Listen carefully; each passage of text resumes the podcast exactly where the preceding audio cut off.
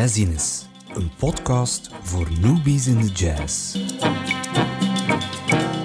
Met veel enthousiasme gemaakt door het gratis festival Brussels Jazz Weekend.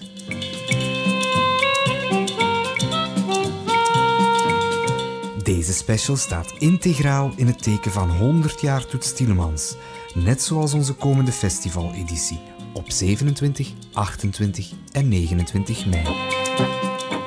Welkom luisteraars bij de laatste aflevering van de Toet Tielemans special van Jazziness. Iets zegt mij dat er nog wel veel te vertellen valt.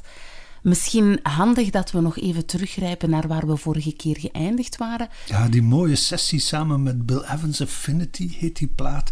Beetje een doorstart van Toets Tielemans als echte jazzmuzikant. Hij was in de jaren zeventig wat vergeleden, als ik het zo mag noemen, tot, uh, tot een novelty-muzikant. Hij speelde uh, filmmuziek en allerlei sessies voor, voor popartiesten en zo. Maar echt als jazzmuzikant was hij niet echt bekend bij een groot publiek. Maar dan hoop je dat er die doorstart zou komen dankzij die uh, sessie met Bill Evans. Misschien zelfs een aantal live concerten samen met Bill ja. Evans, wie weet.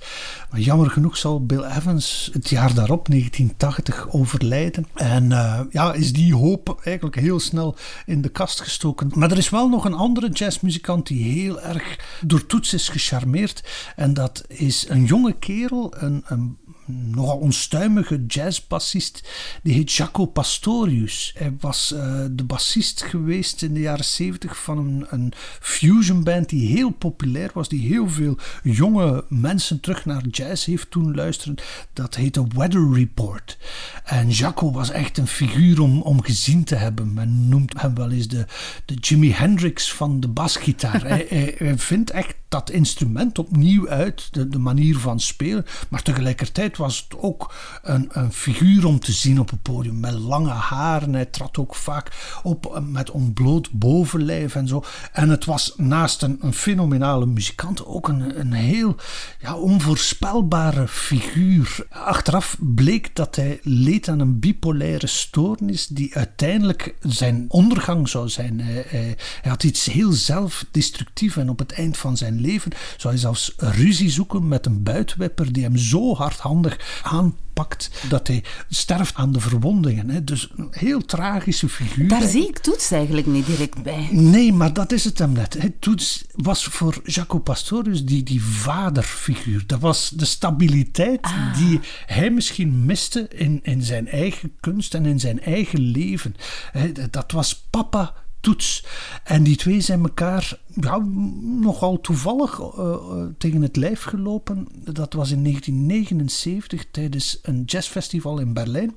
Vroeg men aan Jaco Pastorius: Kijk, hier is de line-up van ons festival. Met wie zou je nu eens graag het podium delen? En Jaco bekeek de lijst en onmiddellijk zei: Gene Tillman. En uh, die twee onmiddellijk als ze samen op het podium staan, voelen een, een synergie, voelen een, een chemie tussen hen beiden die uniek is. Hè. Je kan een klein beetje van die chemie tussen beiden ontdekken, ook op de opnames die ze daarna maken. Jaco maakt bijvoorbeeld zijn, zijn tweede album, dat heet Word of Mouth. Daar staat een prachtig nummer op, Three Views of a Secret. En dat is zo'n echte feature voor de mondharmonica van uh, Tielemans. Maar ze brengen dat nummer ook live voor de camera's van de Belgische televisie. En dat kan je nu zien door de wonderen van YouTube. Met Jaco Pastorius aan de piano en Toets die echt zijn hart uit zijn lijf blaast. En, en Jaco die echt aan zijn lippen hangt, die geniet van elke milliseconde dat hij met die man kan delen. Het is, het is echt prachtig om te zien. En het is eigenlijk heel mooi om te beluisteren ook. Dus laat ons eens heel even luisteren naar Jaco Pastorius en Toets Tielemans in Three Views of a Secret.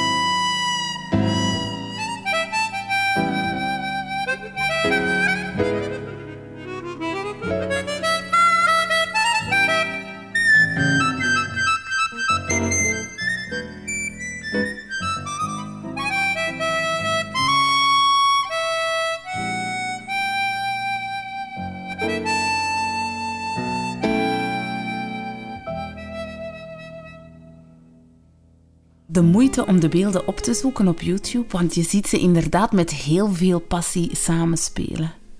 Ja, heel mooi, die synergie tussen die beiden. Uh, wanneer ze dat nummer opnamen, Three Views of a Secret, voor het studioalbum, ging het uh, kort daarna niet zo goed met Toets. Hij zal een eerste beroerte uh, krijgen, en waardoor hij een tijd lang in het ziekenhuis verblijft. En het is Jaco Pastorius die Toets dagelijks opbelt om te vragen hoe het ermee gaat en opnieuw plannen te smeden voor de toekomst en zoveel mogelijk actief te blijven, ook als muzikant. Jaco had al ideeën over grote tournees in Japan, terwijl Toets nog aan het oh. recupereren was. Het was trouwens op persoonlijk gebied die eind jaren 70, begin jaren 80 een heel tumultueuze periode voor Toets zelf ook. In 1977 had hij al zijn eerste vrouw verloren, Nettie de Greef. Ja. En in 1980 had hij ehm, een tweede huwelijk aangegaan met Huguette een uh, kunstenares uit, het Brusselse, die uh, vandaag nog steeds zijn weduwe is en, en de herinnering aan Toets nog steeds levendig houdt. Uh, maar ja, mooi dat toch altijd muzikanten de weg vinden naar Toets Tielemans. En ze komen niet alleen uit België of uit Nederland of, of uit Zweden of uit Amerika. Ook uit Brazilië komen er heel wat muzikanten die Toets een warm hart toedragen. Ja, het is, het is een beetje een asynchroon verhaal dat ik nu moet vertellen. Want als ik echt ga zoeken naar de allereerste keer dat Toets met een Braziliaanse muzikant samenwerkt, dan moeten we echt teruggaan in de tijd. En ik denk de allereerste sessie is er een met Astrud Gilberto. Dat, is, doet een belletje rinkelen. Ja, we hebben het er al over gehad, over haar, tijdens de Jazziness afleveringen. En zij maakte die opnamesessie samen met haar man, Joao Gilberto. Dat is zo het moment dat ze door Stan Getz uh, voor de micro geduwd wordt, omdat zij de enige is die een mondje Engels kan spreken. En het is meteen het begin van haar carrière als zangeres. En in uh, eh, 1967, denk ik, neemt zij een plaat op die heet Beach Samba. Of in het Portugees Bossa No Praia. Eh, maar dat nummer begint dus met dat typische gefluit, zonnige gefluit van Toets Tielemans, terwijl hij zichzelf begeleidt op een gitaar.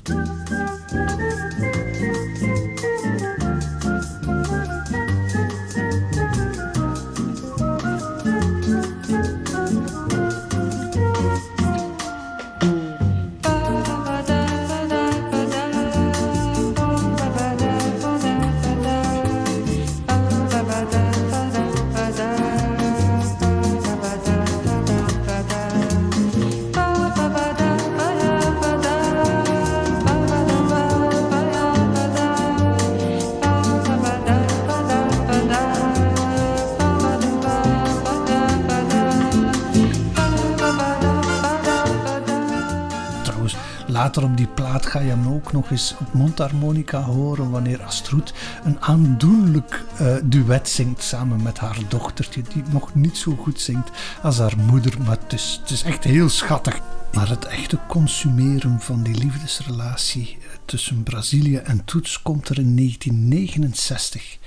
Dan ontmoet hij een van de belangrijkste artiesten van de Braziliaanse Tropicalia. Dat is zangeres Elis Regina.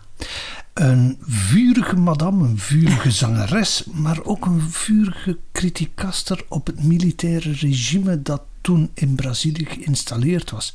Ze was niet de enige artieste geweest die kritiek had op die militaire junta, maar vele van haar collega's belanden in de gevangenis daarvoor. Haar oplossing was trek naar Europa. En zo belandt zij in Zweden Waar Toets natuurlijk ook heel veel tijd doorbrengt. En natuurlijk, ja, hij heeft daar vaste klantenkaarten. En in een studio in Zweden worden de twee met elkaar gekoppeld. En uh, de plaat die daarvan het resultaat is, krijgt de nogal vergezochte titel Elis en Toets.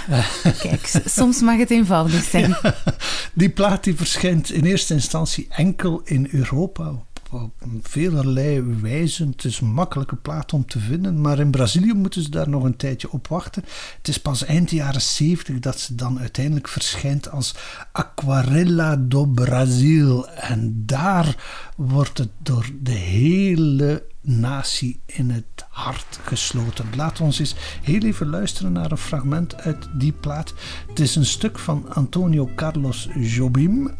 Oh. Nog iemand die we al tegengekomen zijn. En het heet Wave. So close your eyes, for that's the only way to be. A wave of things your heart alone was meant to see.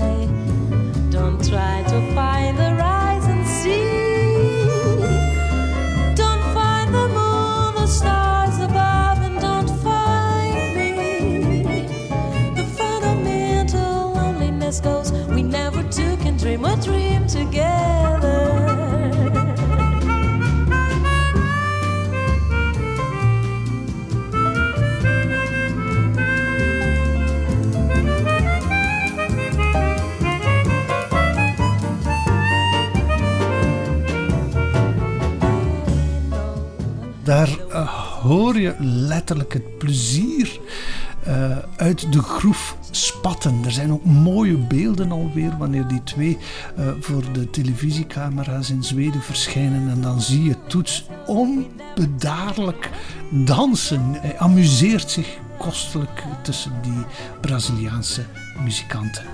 En die liefdesrelatie zal blijven duren. Hè. Ook wanneer hij echt geïnstalleerd zal zijn in de jaren 90 als een van de eminence grises van de jazz. Of laat ons maar uh, van de muziek in het mm-hmm. algemeen zeggen. Dan maakt Toets ook twee platen. De titel is The Brazil Project twee volumes die geproduceerd worden door Oscar Castro Neves. En daarvoor gaat de hele beau monde van Brazilië de opwachting maken. Daar speelt hij samen met Caetano Veloso, met Elian Elias, met Gilberto Gil, met Ivan Lins, met João Bosco, met Luis Bonfa, met Milton Nascimento. Iedereen wil samen met Toets spelen. Dat is echt iets dat altijd terugkomt, vind ik. Ja, ja het is waar. Hè. Iedereen wil in die gloed en die warmte van Toets delen. Trouwens, in 2006, en dan maken we een heel grote sprong, mm-hmm. zal Toets uit handen van de toenmalige minister van Cultuur, Gilberto Gil, dat is die muzikant die ook die ook vermeld staat. Ook op, op die plaat meespeelt. Hè, krijgt hij daar de titel van commandeur van het Legioen van Eer van Brazilië. Voilà, dat is toch wel de hoogste titel die zo'n land aan, aan iemand kan uitreiken. En ook de hoogste titel die Toets gekregen heeft? Nee, Toets gaat in die laatste decennia van zijn carrière een echte ereronde doen. Hè. En hij gaat de titels, eretitels, uh, bij elkaar moeten harken. Niet in het minst, gelukkig ook maar in zijn eigen geboorteland. Want daar moeten we ook wel eindigen, hè. In, in, België.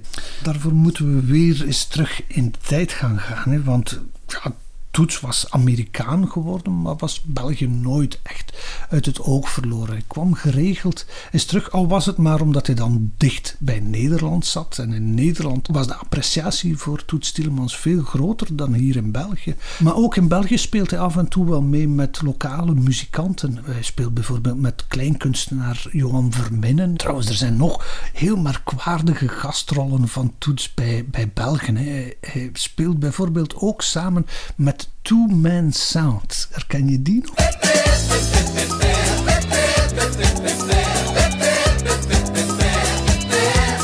We zitten eigenlijk in het beste van veel werelden. Het zijn Belgen die Braziliaanse muziek spelen met een halve Amerikaan daarbij, maar alles klopt. En ook voor jonge beginnende jazzmuzikanten is hij altijd degene die een duwtje in de rug zal geven. Eh, in de fusiongroep die de pianist van Johan Verminnen, dat is Stars Lotens, op het eind van de jaren 90 zal oprichten. Die groep heet Jazz Circle. Daarop speelt hij ook als gastmuzikant mee. En in 1985 was er ook al een studioalbum verschenen op het B-Sharp label, een Belgisch jazzlabeltje dat een korte tijd bestaan heeft. Die plaat heet Your Precious Love en daarin wordt Toets Tielemans gekoppeld aan ja, zowat de beste jazzmuzikant die de Belgische scène op dat moment te bieden heeft. Onder andere Michel Heyer op toetsen.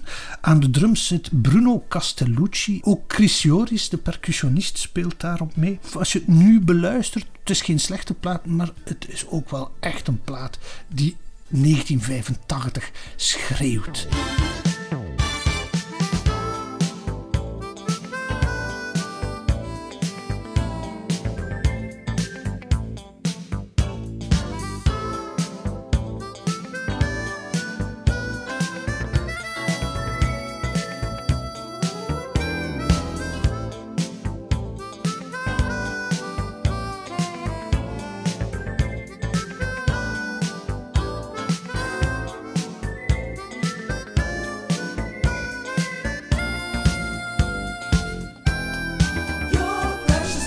Halen onze dansmoves van de jaren 80 boven, Frederik. Ja, het is echt wel iets heel erg van, van de tijd. Ja. Het, is, het is een mooie plaat hoor, maar eh, vaak wordt daar niet naar terug verwezen als het moment van de renaissance van toets in België.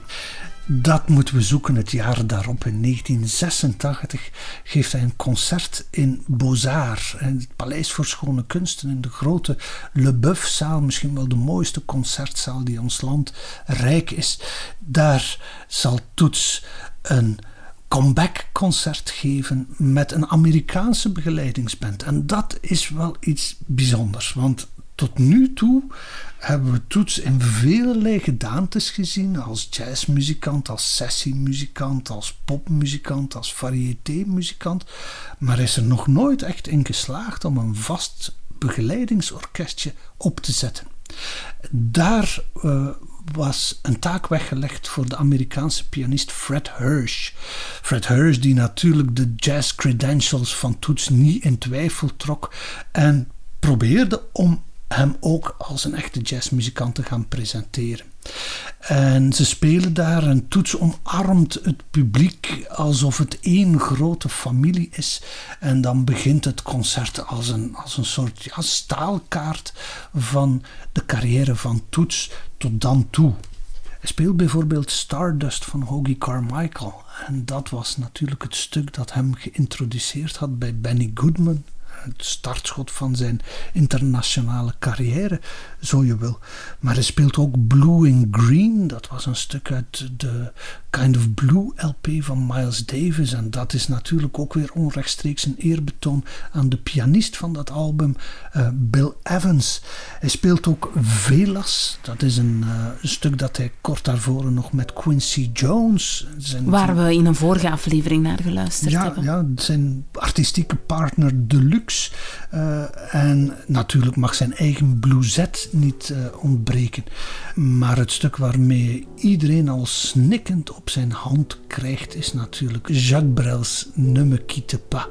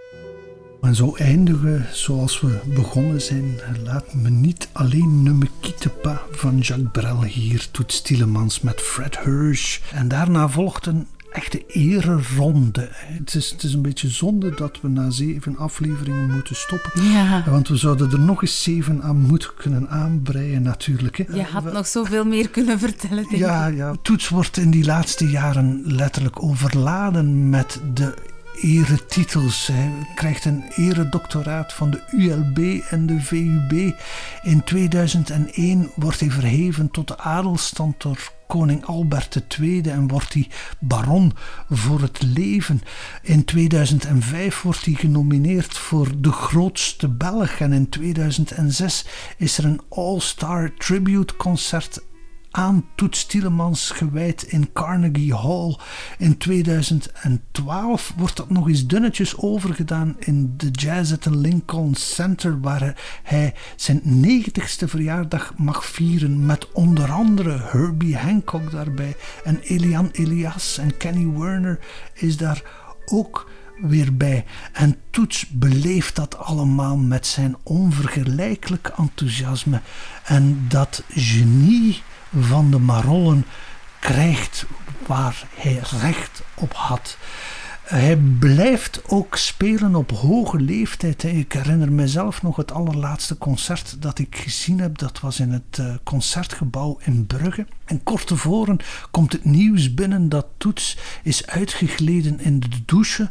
En dan denk je normaal gezien dat dat concert eh, afgelast of op zijn minst uitgesteld wordt. Maar nee, niks is minder waar. Toets is er die avond. Hij wordt op het podium gerold met een uh, rolstoel en hij speelt dat concert alsof er niks aan de hand is. Je wist natuurlijk dat Toets, wanneer hij stopt met spelen, ja, dat het einde ook wel nabij zou zijn. En in maart 2014 kondigt hij dan zijn pensioen aan. Uiteindelijk zal Toets zacht uit het leven glijden op 22 augustus 2016. Maar nu is hij opnieuw springlevend. Overal in Brussel en in België en over de hele wereld wordt zijn honderdste verjaardag gevierd. En hier het minst ook op Brussels Jazz Weekend. Absoluut. Ik zet inderdaad heel graag nog in de verf dat de programmatie op Brussels Jazz Weekend dit jaar in het laatste weekend van mei ook helemaal is afgestemd op de honderdste verjaardag van Toets. Met onder andere Philippe Catherine, Mike Del Ferro, de Brussels Jazz Orchestra, Olivier Kerurio, heel wat artiesten die een eerbetoon aan Toets zullen brengen en waar wij van gaan genieten. Ik dank Frederik voor de enthousiaste verhalen, de luisteraars voor het uh, enthousiaste luisteren. En wie weet, tot een volgende keer. Je weet maar nooit.